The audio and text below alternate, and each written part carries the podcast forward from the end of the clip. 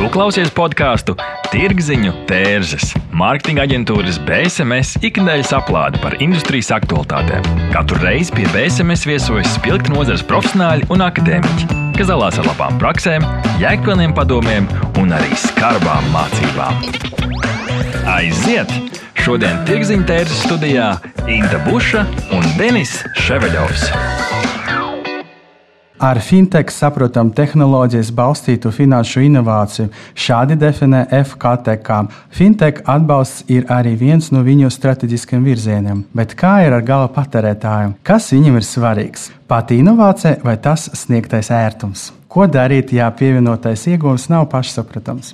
Proti, jāplāno komunikācija. Kādas ir labas prakses un Latvijas pieredze? Šodien noskaidrosim to kopā ar Tirziņa Terses 46. epizodēs viesiem. Pie mums ir Ieva Treja, komunikācijas specialiste, startup komunikācijas guru, un Arturs Kostins, Altero finanšu salīdzināšanas platformas vadītājs un līdzdibinātājs. Sveiki!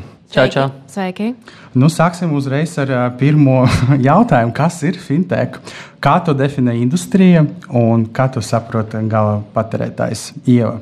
Fintech ir finanšu pakalpojums, ko var izmantot pateicoties tehnoloģijām. Tehnoloģijas padara tā izmantošanu vienkāršāku un pieejamāku. Nu jā, es, es domāju, ka patiesībā fintech tiešām tur, kur ir nauda kopā ar, ar kaut kādām tehnoloģijām, un uh, man dažreiz pat, es teikšu, besīgi, kad sevi, daži uzņēmumi sevi dēvē par fintechu, viņiem ir vienkārši mājaslapa, tu tur kaut ko izdara mājaslapā, un tad uh, viss notiek manuāli, netehniski, un tad viņi sevi dēvē par fintekiem. Es teiktu, ka fintechs ir tiešām, viss ir ļoti, ļoti tehnoloģiski attīstīts. Nu, tas visdrīzāk ir datorā vai telefonā, bet to tu nevarētu izdarīt bez tām tehnoloģijām. Inovācijas, tehnoloģijas un finanses trīs lietas. Inovācijas, tehnoloģijas un finanses. Jā, bija interesanti, ko Arthurs jūs teica, ka jums nepatīk, kā citi mēdz sevi dēvēt par fintechiem.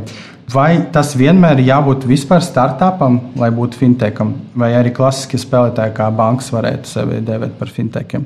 Es domāju, ka nav, nav šajā gadījumā jārunā par apjomu, jo banka, protams, ir, tas ir kaut kas liels un apjomīgs, regulēts, licencēts.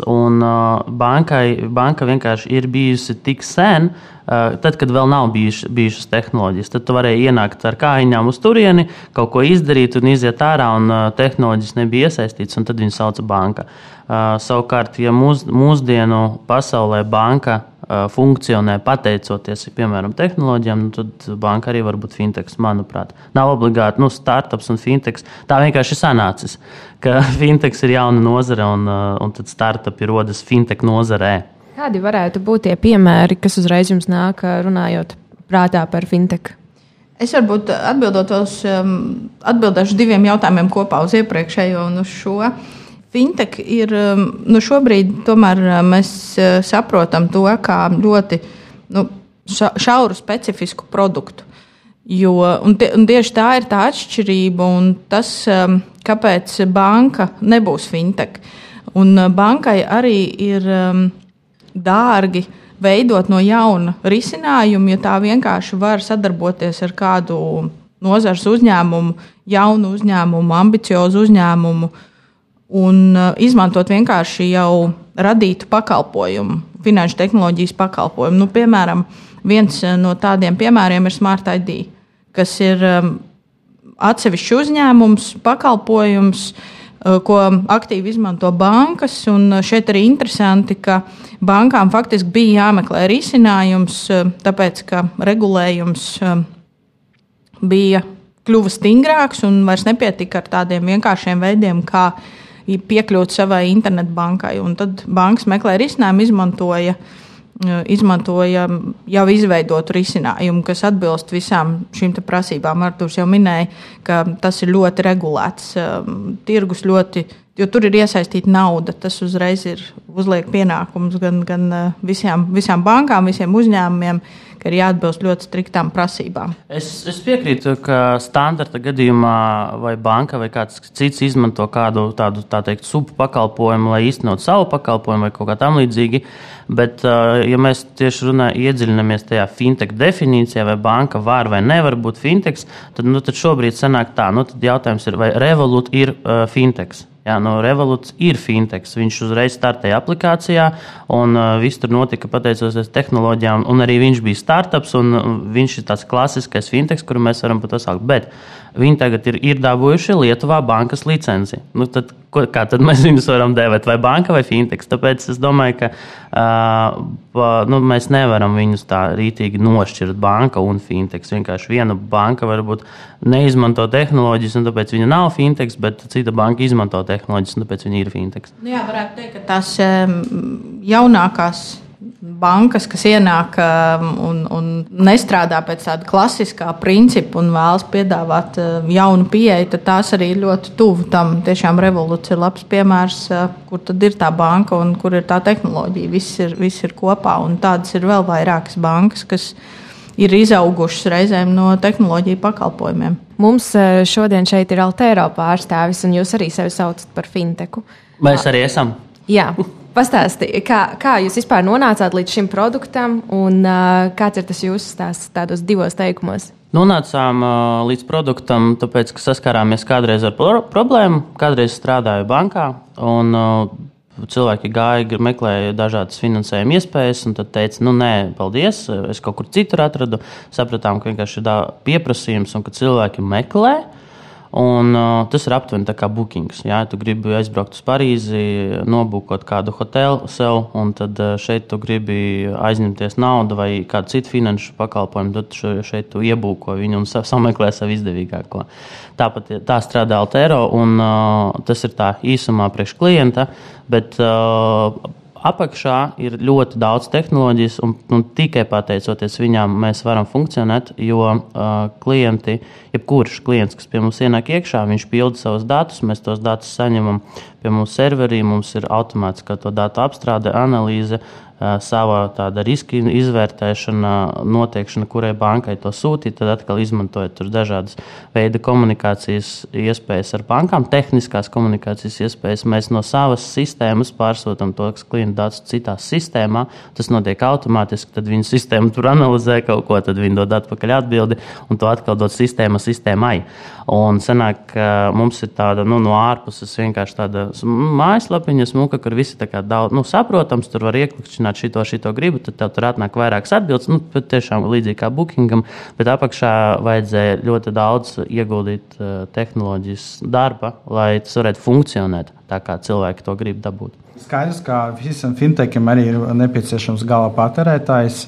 Un uh, viņu vajadzētu kaut kādu veidu sasniegt. Un šeit uh, plānota komunikācija nāks mums palī, palīdzība. Vai pats fintechs kaut ko, kāda industrija jau definē, veido priekšnosacījumus, kādai tai komunikācijai jābūt? Es par šo tēmu domāju. Nākot uz šo ierakstu, tieši domājot specifiski par fintech, un, protams, ka jebkura komunikācija, nu, ir, ir kaut kāda priekšnoteikuma labai komunikācijai, un tā ir jebkurā nozarē. Bet, manuprāt, fintech nozarē ļoti svarīgi, ir labs produkts. Tas ir pirmais un galvenais. Un ne tik daudz. Varbūt ir svarīgi, kur tu to komunicē, bet ir ļoti svarīgi pateikt galvenos faktorus. Mēs jau pieskārāmies tam, ka drošība, tā ir cilvēka nauda, Viss, kas ir saistīts ar naudu, tas ir ļoti cilvēki izvērtē piesardzīgi, um, viņi grib uzticēties, un tāpēc ir svarīgi runāt par šīm lietām. Pat, um, līdz ar to nevis tik daudz runāt. Uh, ne, ne, ne, ne tik daudz ir svarīgi, kur runāt, bet kā runāt, kā radīt šo uzticamību. Un otra lieta, kas uh, man šķiet arī šajā nozarē ir ārkārtīgi svarīga, ka produktam ir jābūt labam. Izmantojamam, praktiski pielietojamam, viegli saprotamam. Šīs visas lietas, ka tas faktiski tā komunikācija gandrīz vai paliek otrā plānā, ka primārais ir tas, cik vienkārši um, produkti ir izmantot un cik tas produkts patiesībā ir vajadzīgs. Es ko pamanīju no malas, skatoties, kā komunicē fintech, viņi parasti ir tādi nu, vairāk, nu, teiktu, valīgi, bet uh, mazāk konservatīvi nekā klasiskas uh, finanšu iestādes. Uh, viņi reizēm arī izmanto provokatīvas kaut kādas paņēmas. Un, ja jums tāda pati gauma kā man, tad pagājušajā gadā jūs ļoti daudz redzējāt, visdrīzāk transferu vai reklāmas savā YouTube. Man nezinu, katra otra reklāma bija. Tad viņi visu laiku spēlēs tā, kā Mums ir tas bankas mēģina atņemt kaut ko no mums, un tad ļoti agresīvi komunicē. Tas man nebija aktuāli. Bet uh, uzmanību piesaistīja, un es uzzināju, kas tas ir. Kādi ir tie labie piemēri no komunikācijas puses fintechiem? Jā, es varu varbūt uz iepriekšēju atbildēt. Manuprāt, te ir jāsadala tā komunikācija pirm, nu, diezgan klasiski. Pirmā komunikācija ir neskatoties uz to, vai tas ir fintech vai kaut kas cits. Vienkārši tā ir B2B komunikācija vai B2C komunikācija. Ļoti daudz startupu šobrīd strādā B2B. Piemēram, Smart ID visi zina, bet komunikācija nu, praktiski viņi tur nu, īsti nav, bet viņu popularizē bankas. Uh, tur uz, uzņēmumi, kas sniedz visādus maksāšanas pakalpojumus, tur Kevin, uh, tur kaut kādi vēl citi, tur Montonio uzņēmumi, kas piedāvā visādas payment gateways un tādas lietas. Viņiem vai nu tas mārketings nav vispār, vai nu viņš ir vērsts uz B2B, viņiem B2B nodaļā, un viņi strādā pavisam savādāk, strādā ar kaut kādiem leafletiem. Un tas pats ļoti labs Latvijas piemērs Nordigen startups, ļoti populārs un izslavēts un viņu mārketings arī noteikti nevarēs viņu ieraudzīt YouTube vai televīzijā, šķirstot tur, nezinu, TV3 ziņas, bet viņi ir zināmi biznesa aprindās, tur, kur viņiem ir jābūt. Un tad ir pretēji. Ir B2C mārketings, un tad Altero, piemēram, strādā gan B2B, gan B2C. Tad B2B mums ir viena veida mārketings, B2C ir cita. Un tāpat arī tam pašam Boltam, ja viņu, viņu nevar saukt par varbūt finteku, bet nu, kaut kāds teksts ja, tur ir. Un tad, tad Un tur arī ir mārketings vērsts uz cilvēkiem. Tad tas mārketings ir vairāk tāds nu, parastais, kā klasiskais, tā teikt, ja, kur ir klasiskie mēdīji un tāda komunikācija. Un, uh, fintechs, manuprāt, ir par to, lai optimizētu pašu sevi un pa, pirmkārt arī nu, pašam savas darbības, lai tu varētu maksimāli ātri un ērtā veidā parādīt klientam, ko viņš vērās, tas, vēlās. Tad tas ir optimizācija, ātrums, vienkāršība un pieejamība un tā tāda tailored fit pakalpojumi. Tā kā mārketingā jūs noteikti zinat, tur ir tur, kur targetē audience, tad tas pats arī principā finansēs. Tas arī var būt. Tu ienāc un tad viņi redz, kas tu esi pa cilvēku un ko tev vajadzētu piedāvāt. Es no savas puses varbūt vēl piebildīšu, pilnīgi piekrītu, ka ļoti liela daļa fintech um, uzņēmumu strādā B2B un piedāvā pakalpojumu, atvieglo dzīvi bankām, mūsu pieminētajām vai citiem uzņēmumiem. Bet, um, piemēram, Nordigen uh, ir labs piemērs arī tāpēc, ka viņi ir sākuši pilnīgi citādāk komunicēt. Um, piemēram, preses relīzēs, eh, kas ir interesanti, viņi ir izvēlējušies tādu agresīvu komunikācijas veidu, ka viņi tā drosmīgi um, nebaidās sevi saukt par, par līderiem, par pirmajiem, par inovatoriem, par, uh, par tiem, kas tiešām. Um, uh, Tiešām mainīs nozari, kas ir Latvijas uzņēmumiem un vispār latviešiem ir, uh, nu, ko tad no es.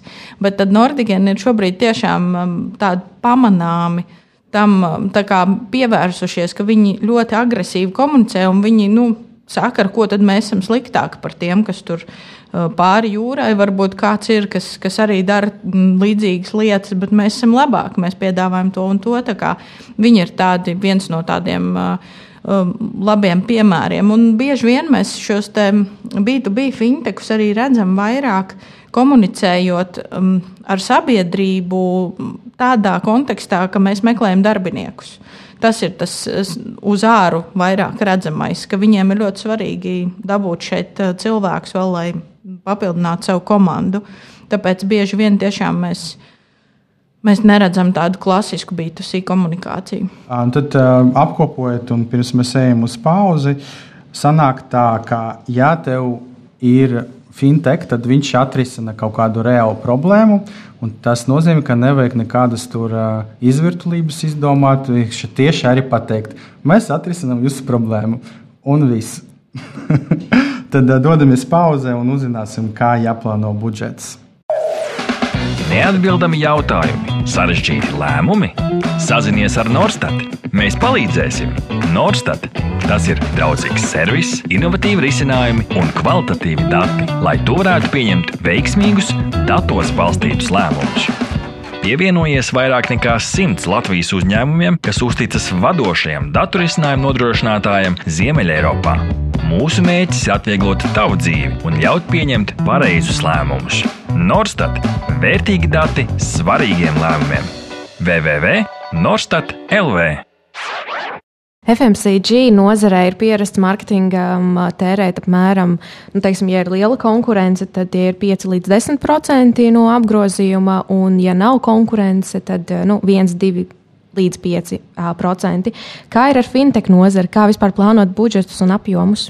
Tas pats jautājums B2B, B2C. B2B budžeta gandrīz vai nav. Uh, ir darbinieki, kuri staigā pie cilvēkiem, runā. Nu, tas parasti arī ne, tas, uh, nepaiet zem tā mārketinga iedaļas. Uh, nu, viņš ir vai, vai nu viņš ir, vai nu viņš Vairāk ir tā kā Pārdošanas. Kas? Vairāk tā kā sales darbība. Jā, jā, jā, vairāk sales, vairāk sarunas un tādas lietas. B2C, nu jā, B2C, protams, ka ir. Uh, laikam, ka jāpadomā, kuri tieši un cik viņi var, cik vi- viņi var nopelnīt no tiem klientiem.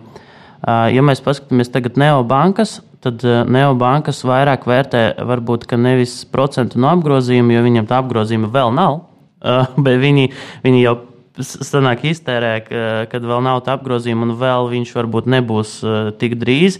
Viņi skatās uh, vairāk tādu rādītāju, kas ir uh, klienta lifetime value, cik viņš viņiem ienesīs kaut kādā konkrētajā periodā. Piemēram, trīs gados.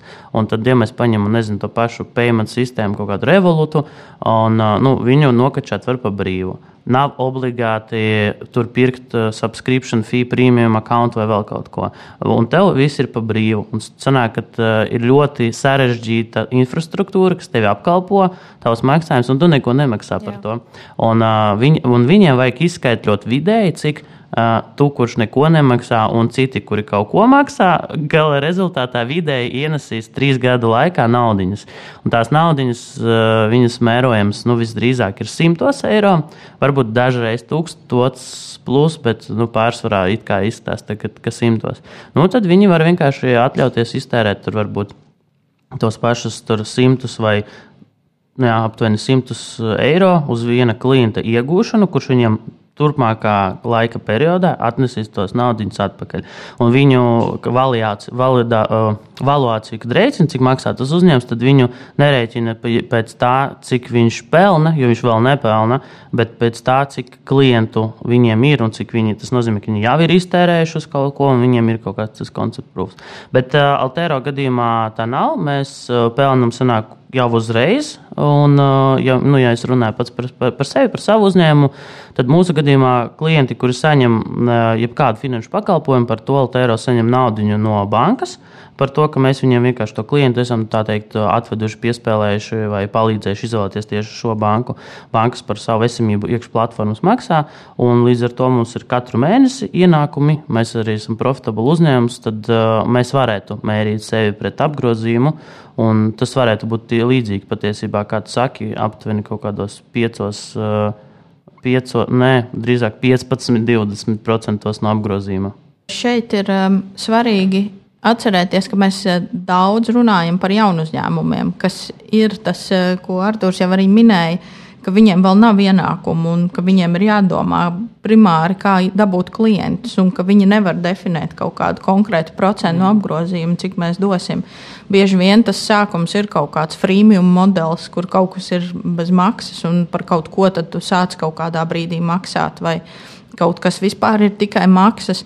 Līdz ar to šeit, es domāju, pārsvarā tomēr ir tas, ka mēs nevaram de definēt konkrētus procentus. Mēs drīzāk varam skatīties, kā šie uzņēmumi izdomā visādus inovatīvus un skaļus veidus, kā sevi pieteikt, parādīt un, un piesaistīt uzmanību. Es vienkārši iedomājos, kad notika domu procesa mārketinga komandas, tad viņi saka, ok, mums vajag noteikti izdarīt kaut ko par brīvu, mēģinām izdot garīla mārketingu, tad aiziesim, pastāstīsim draugiem, tā tikai varbūt domāsim par reālām kampaņām. Bet, zini, kā vēl ir, vēl jau tās mārketinga komandas nav īpaši uzņēmumiem, kas strādā ar B2B Mārketings ir nu, kaut kas, ko mēs mēģināsim paši izdomāt. Ja? Mm. Tie, principā, tie dibinātāji un tie, tie cilvēki, kas vispār ir iesaistīti tajā komandā, viņi paši mēģina saprast. Nu, ir, protams, kaut kādas nozares nu, piemēri, kā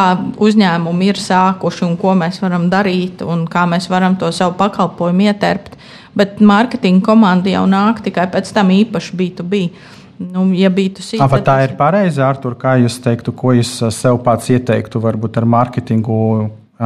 Jūs Cik jūs trīs gadus jā, darbojaties? Sestais. Sestais. Nu, ko es sev ieteiktu pirms sešiem gadiem, zinot to visu, ko es daru attiecībā uz mārketingu? Nu, laikam neko es pareizi.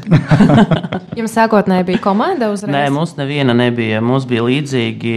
Un es teikšu, nu, ir tā, tev ir startups, tev īsti nav naudas, par ko tu varētu kaut ko darīt. Un tad, tad vai nu tu ej pie fondiem un pičojies un vēl kaut ko dari, saņem to čeku, fočējies un pēc pēc tam to lielo čeku iegrūda mārketinga uh, budžetā, un tu nezini, tur būs kaut kas vai nē, vai nu tu uh, ej tādu mm, mierīgāku ceļu. Pats pēti, pats skaties, kur ir tavs klients, ko viņš dara un kas ar viņu jārunā. Šis, ir, šis bija mans ceļš.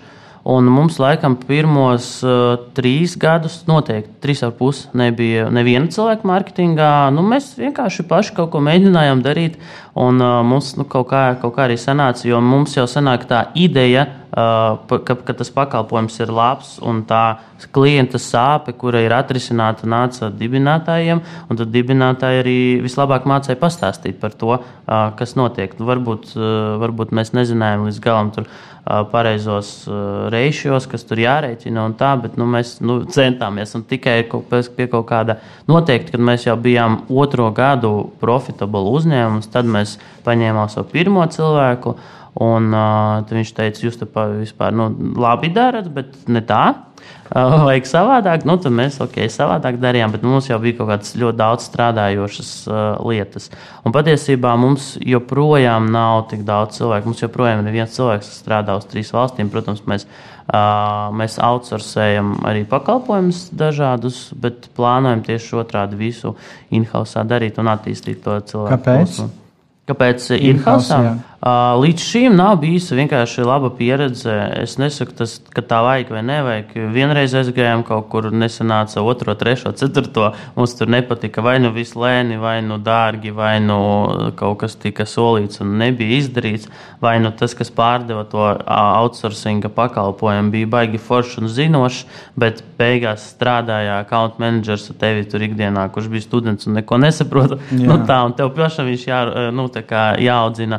Nu, nebija laba vienkārši pieredze līdz šim, un mēs domājam, ah, labi, visu to ņemam, ņemam paši savējo. Kas vēl ir svarīgi, ko Arthurs pieminēja par to specifisko pakalpojumu? Fintechs ir ļoti specifiska joma, un tiešām tā ir, ka šķiet, ka nu, tu apmēram saproti, bet vislabāk to produktu var pārdot un iepakot tiešām tie cilvēki, kas ir zinoši nozarē un kas zina, kas dibinājuši to uzņēmumu, kas pārzina ideju, kas pārzina visu regulējumu nozari, jo tur ir tik daudz specifisku nianšu. Nu, tas īpaši attiecās uz B2B produktu, kad tev tajā pārdošanā nāk pretī. Nu, piemēram, no bankas ļoti zinošs cilvēks, tev ir jāspēj piedāvāt to pašu pretī, tev ir jāsaprot. Uh, ļoti, ļoti specifisks nianses un, un jāpaskaidro ļoti, ļoti svarīgi paskaidrot tās savas priekšrocības. Okay, es gribētu arī pāriet uh, uz konkrētu fintech, varbūt uh, apakšā uh, nozare kreditēšanā patērētāju. Tad mēs esam ar Norstatu noskaidrojuši, ka 27% respondentu kādreiz ir aizņēmuši ātru kredītu internetā, un visvairāk 44% ir vecuma grupa no 30 līdz 39. Kāpēc mēs izmantojam vispār to SMS kredītu? Mēs arī šeit varam redzēt, ka varbūt pateicoties tam tehnoloģiem risinājumam, viņi ir kļuvuši pieejami. Protams, ka varbūt tur ir noteikti cits kritērija, kā piešķirt kredītus. Un ar to visu mēs izdzīvojam kā sabiedrība dažādus momentus, un nāk saka regulētais kontrolēt to komunikāciju. Kā jums šķiet, ka tagad ir tā, tie, tas prasības ir adekvātas? Par SMS kredītu veiksmes stāstu es domāju, viņi ir veiksminieki, jo viņi bija pirmie. Tas arī ir tas veiksmes stāsts pamatā, jo tu pirmais uztais ātrā kredītu kompāniju un viss iet pie tevis. Jo citur īsti nav kur iet. Un tad palēnām paliek, nāk konkurenti, un tad tev jau ir tā klientu datu bāze, tu ar tiem klientiem runājies un tā tālāk. Bet par regulāciju nozarē kopumā tie, mums, mums konkrēti sanāk, šeit būtu jāsadalās. Ir, ir bankas, kas, kuras regulē FKTK, un ir nebanku sektors, kas patiesībā ir tuvāk tam fintecham. Un, tur ir regulē tāds šo nozari. Mums konkrēti Altero ir eh, diezgan labi vienmēr bijis. Viss ir tāds, nekad, eh, nekāda aizrādījuma nekad nav bijis. Ja viņi uzskata, ka Altero tieši palīdz sabiedrībai izvērtēt uh, savas uh, finansiālās iespējas, kas ir lētāk un kas, kas nav lētāk, bet uh, kā vispār tā nozare komunikācija attīstās, nu diezgan, es teikšu, drausmīgi no, no, savu, no manas puses. Jo kredītu zīmolu ir aptuveni 50. Mm -hmm gan Lombardi, gan bankas, gan viss kaut kas tamlīdzīgs, vispār finanšu zīmoli. Tu, īsti, tu skaties uz 50 zīmoliem, 50 logotipiem, kuri piedāvā vienu tikai pakalpojumu, kredīts, bet aprunā viņu no visām pusēm. Ar banāniem, ar visu kaut ko tur tāds kredīts, kāzu kredīts, jautrais kredīts, šitāds kredīts, šitāds finansējums, tam šīm. Nu, nu tā, ka var tiešām, es pats uh, sešus gadus katru dienu ar to dzīvoju, un es nevienmēr atceros, uh, kurš ko piedāvā, lai gan tas ir mans amats. Jā, es laikam Latvijā esmu tāds nu, bez maz vai vienīgais, kuram ir, ir pienākums zināt, ko kurš kad piedāvā. Uh, bet arī es apjūku. Un tad šo nozari it kā gribēja saregulēt, gribēja izdarīt cilvēkiem labu, bet sanāca tā, ka.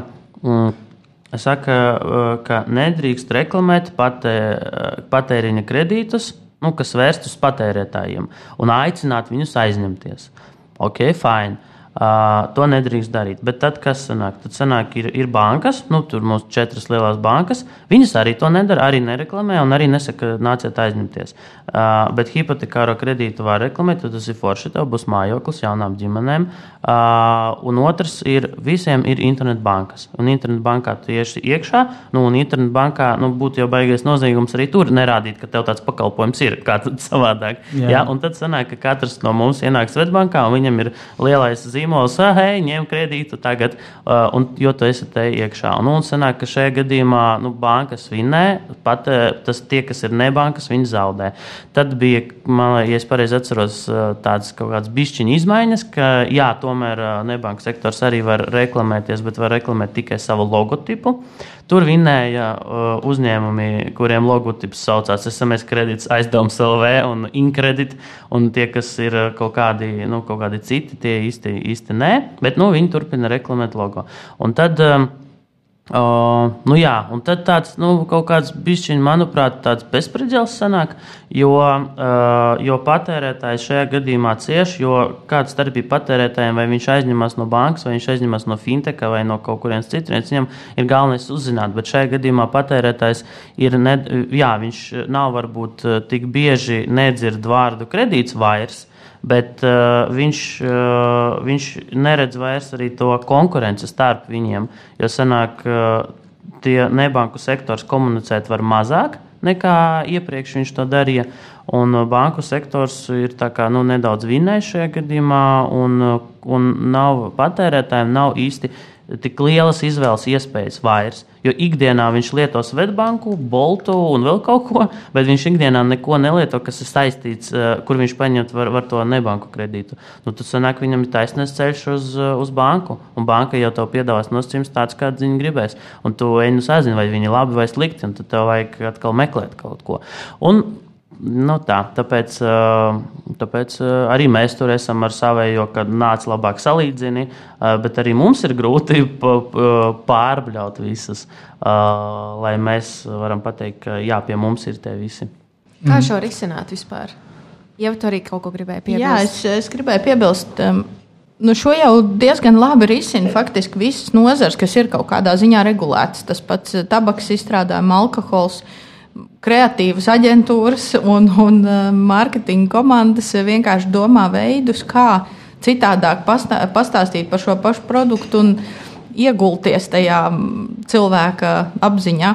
Ko es esmu pamanījusi, ka aizvien vairāk šo tieši ātrā kredītu uzņēmumu iesaistās atbalstīšanā dažādu projektu, gan labdarības projekti, gan sportisti. Tā, tādējādi tā kā uzsverot, nu, mēģinot uh, nopulēt to savu tēlu, jo diezgan daudz ir izskanējis, ka uh, nu, viņi tie ļaunie un redz, kā viņi iedzen parādos cilvēkus, un viņi mēģina ļoti strādāt ar šīm lietām. Nu, līdz ar to, lai cik arī regulēta tā nozara, es domāju, ka profesionāļi. Profesionāli mārketinga cilvēki, profesionāls aģentūras atrisina šo un meklē visādus risinājumus un atrod. Es šeit domāju, ka, es domāju, ka varbūt nu, to patieso nu, to ietekmi gan jau jūt paši uzņēmumi, bet nu, tādā sabiedrības apziņas līmenī mēs varēsim novērtēt nu, vēl pēc kādiem desmit gadiem. Jo kas tad ir tā lielākā problēma? Lielākā problēma ir tā, ka cilvēki viegliprātīgi izturās pret šīm lietām. Ar to jau sākās vispār viss, kāpēc ir kaut kas jāierobežo. Jo vienkārši nu, cilvēki sāk aizņemties, nepadomājot par to, ka tie kredīti būs jādod. Un tas ir tāds nu, sabiedrības eh, izglītības līmenis, mm. izglītošanas uh, moments. Nu, ja mēs salīdzinām to pašu situāciju, ka Facebook mums visiem šausmīgi patika un joprojām patīk, bet tagad mēs sākam saprast, ka hei, tur apakšā ir algoritmi un ka viņi kaut kā tur spēlējās ar to manu apziņu. Tad, nu, mēs kā sabiedrība izaugam, mēs saprotam šo pakalpojumu un skaidrs, ka tas pakalpojums ir vajadzīgs. Un Arthurs dara, protams, labu darbu ar to, ka nu, cilvēkiem ir iespēja izvērtēt, saprast. Um, un tas, uh, nu, mēs jau izaugsim līdz tam, ka varbūt nebūs tik ļoti jāregulē un ka visi varēs strādāt brīvāk, jo nebūs vairs tādu. Um, iekrišanas parādu jūgā un tam līdzīgi. Jā, jā patiesībā gribētos, lai redz, te jau nevar arī vainot. Eh, protams, cilvēki paši ir no vienas puses vainīgi, ka viņi kaut ko dara neapzināti, bet no otras puses eh, nu, viņi jau nav vainīgi, ka viņi nespēja kaut ko darīt apzināti, eh, jo viņiem tiešām nav tās finanšu izglītības un kaut kādās varbūt attīstītākās valstīs, tur ir īpaši Skandināvijā, no kurienes vispār nāk. Uh, visi pakalpojumi pie mums. Es vispār tādu nu, salīdzinājumu varu pateikt, ja, piemēram, modi diktē tur, nezinu, Milāna un Parīze Eiropā, tad uh, finanses Baltijā diktē Skandināvija. Viņiem kaut kas ir, tad uzreiz arī pēc pāris gadiem mums ir. Mēs šobrīd esam nu, pēc mazliet pakļauti uh, tam, tiem finanšu pakalpojumiem, ko viņi izmanto, jo viņi nāk caur Skandināvu bankām pie mums. Bet tas ir tas par sabiedrības nu, apziņu, kad, me, kad mēs domāsim tā, kā Skandināvija attiecās pret tām finansēm. À, nu jā, nu, ka viņi, ka viņi, ka viņi diezgan, diezgan mierīgi pret to izturās. Viņi neaizliedz. Jā, tāpat kā ar Covid viņiem bija ok, tas atkal ir cits stāsts, bet uh, viņi neaizliedz. Tu nevari cilvēkiem aizliegt, jo senāk, uh, nu, nevajag, ne, nevar taču tā, ka mūsu valstī viss ir jādzen ar pātagu. Jā. Obligāti jāiet uh, kaut ko darīt vai nedarīt tikai tāpēc, ka to drīkst vai nedrīkst. Uh, bet te pašā laikā mēs neinvestējam tajā izglītībā izglītošanā cilvēkus. Jo par cilvēki, it īpaši mums ir tas pārējais periods, kur uh, cilvēki kuri bija uh, darbspējīgi, bija, kuriem bija aktīvais vecums 20, 30 gadi, kad bija 80 gadi, tad sanāk, viņiem tagad ir 50 plus. Uh, viņi joprojām ir ak ekonomiski aktīvi, bet, nu, bet viņi daudzi nu, no finansēm vispār neko nerabīja. Jo viņiem toreiz bija pavisam savādāk. Viņi joprojām strādā amatu, kas nav saistīts ar finansēm, vai ar datoriem, vai ar kaut ko tādu baigi intelektuālu, bet viņus visu laiku sanāk šitā apčikarē. Un, protams, ka šeit, un tu nevari aizliegt, jā, jo aizliedzot šitos tu paglābi, bet citiem tu nogriez iespēju nost. Tāpēc uh, vajadzētu izglītot, bet nu, uh, kā es no savas puses ar savu biznesu izglītoju, bet tas, protams, nav uh, pietiekoši. Jā, tie ir jautājumi noteikti par finanšu pratību, vai ne tādā mm -hmm. plašākā līmenī. Mēs nedaudz pieskārāmies Skandināvijas jautājumam, tad lēnām jau finišējot mūsu epizodes ierakstu. Sakiet, kas ir tie trendi tajā Skandināvijā, kas pēc pāris gadiem būs šeit, vai varbūt arī, ja mēs skatāmies kaut kur uz mūsu kaimiņu valstīm, kas ir tas, ko mēs varam redzēt aiz apvāršņa? Man liekas, ka, ja mēs runājam par finanšu tehnoloģijām, tad uh, mums visiem uh, drīz uh, pavērs jaunas durvis uh, jaunā PSD2 regula, kas tā saucamais Open Banking.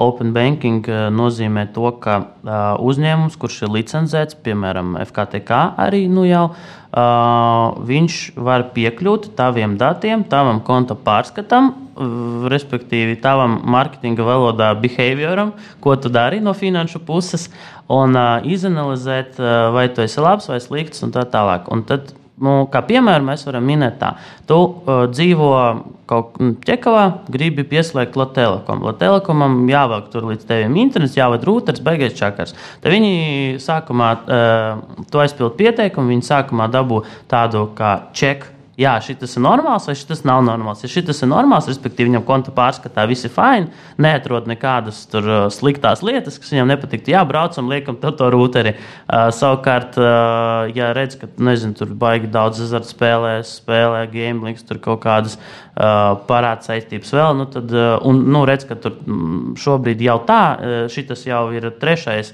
providers, kuru, kuru viņu, viņš nomaina, ko arī tur var redzēt visdrīzāk, tad viņi nu, vienkārši nebrauks un atteiks. Uh, tas būs respektīvi tā, nu, tā saucamā kredītspēja. Uh, būs attiecināma ne tikai uz kredītu, bet uh, vispār, to, ka saņemtu kādu pēcapmaksu ar um, kādu pakalpojumu ar pēcapmaksu. Tas nav ne slikti, ne labi. Tas vienkārši atvieglos darbu bītu, nu, tiem, kas piedāvā pakalpojumus. Un, uh, un tas ir viens, un otrs būs izskatās, ka būs diezgan daudz aplikācijas, kas piedāvās kas prasīs atļauju piekļūt atkal jūsu konta pārskata datiem, lai paskatītos, ko jūs tur darat. Un tad, bāzējoties uz to, ja redzēt, ka aha, tu daudz tērē naudas kaut kādā nozarē, tad viņi piedāvās vairāk tev to nozari. Redzēs, ka tu, tu piemēram, maksā komunālos pakalpojumus, tas nozīmē, ka tev pieder visdrīzāk dzīvoklis, vai tu tur dzīvo, nu, tad viņi tev IKEA varēs piedāvāt. Ja redz, ka kaut kur citur tērēt, tad kaut ko citu. Nu, ka, kaut kā uz to pusi vairāk tādi. Um, uz klienta behavioru vairāk, uh, vairāk ir tādi piedāvājumi un uh, pakalpojumi. Līdzīgi, līdzīgi kā sociālā tīkli attīstās uz to pusi, arī, arī finanses un bankas un fintech skatās. Jā, man ir atzīmēti trīs, uh, tādi, trīs tādas tendences. Viena ir šī, te, ko Arthurs arī teica, dati, kas joprojām ir aizvien vairāk datu rada aizvien vairāk iespējas personalizēt pakalpojumi, dažādi, dažādi personalizēti piedāvājumi. Tad, um, ja mēs skatāmies uz šo pēdējiem nu, diviem, nu, diviem gadiem, nu jau tad uh, daudz bija tādi krīzes laika risinājumi. Nu, tik ieviest dažādi, ir jārisina, kā cilvēkiem nenākt uz banku, kā attālināt sniegt pakalpojumus, kā izdarīt to, to. Un uh, ļoti daudz uh, bija fokus uz to, kā, nu, kā padarīt pieejamus pakalpojumus, kas pēkšņi vairs nav pieejami. Tad tagad um, nu, tā es um, palasīju arī, kad speciālisti saka, ka no nākamā gada tomēr daudz vairāk būs fokus uz to attīstību, ko tad mēs varam darīt tālāk. Un, ja mēs runājam par Skandināvijas tendencēm, tā, tad noteikti viena lieta, kas varētu kas varētu diezgan mūsu skart, ir skaidra nauda. Tā kļūs aizvien mazāk un mazāk pieprasīta. Mēs aizvien vairāk visu maksāsim mm. ar pīkstināšanu un, un dažādiem, dažādiem pārskaitījumu veidiem. Tas, tas noteikti nāks, un Skandināvijā tas tiešām skaidra nauda ir, ir, ir ļoti reti jau vairs kur, un ir daži veikali, pat kur vairs nevar norēķināties skaidra nauda. Tā kā tas Tā noteikti, noteikti ir. Un, un tad uh, Eiropas līmenī runā par digitālo eiro, kas šobrīd ir tāda, nu, tāda vispārīga aprise, kur neviens īsti vēl nevar pateikt, kas tas īsti būs. Bet nu, katrā ziņā tā arī ir lieta, par ko tad uh, tuvāko gadu laikā Eiropas institūcijas vienosies, kas tad būs, kā tad tas būs, nu, kaut ko tas arī ietekmēs finanšu, finanšu nozarē. Paldies! Šodien Tirziņa tērzes mēs pieskaramies fintech nozarei un tai komunikācijai. Studija bija Ieva Treja, komunikācijas specialiste, startup komunikācijas guru un Arturs Kostins, Altera finanšu salīdzināšanas platformas vadītājs un līdzdibinātājs. Tā! Paldies, ka klausījāties BSMS podkāstu Tirziņa tērzes. Aplādi ar labām praktiskām, jēgpilniem padomiem un skarbām mācībām. Patika epizode? Dalies sociālajos medijos, ir idejas tēmām vai viesiem? Raksti mums! Tās bija Tirziņa tērzes. Tiekamies nākamnedēļ!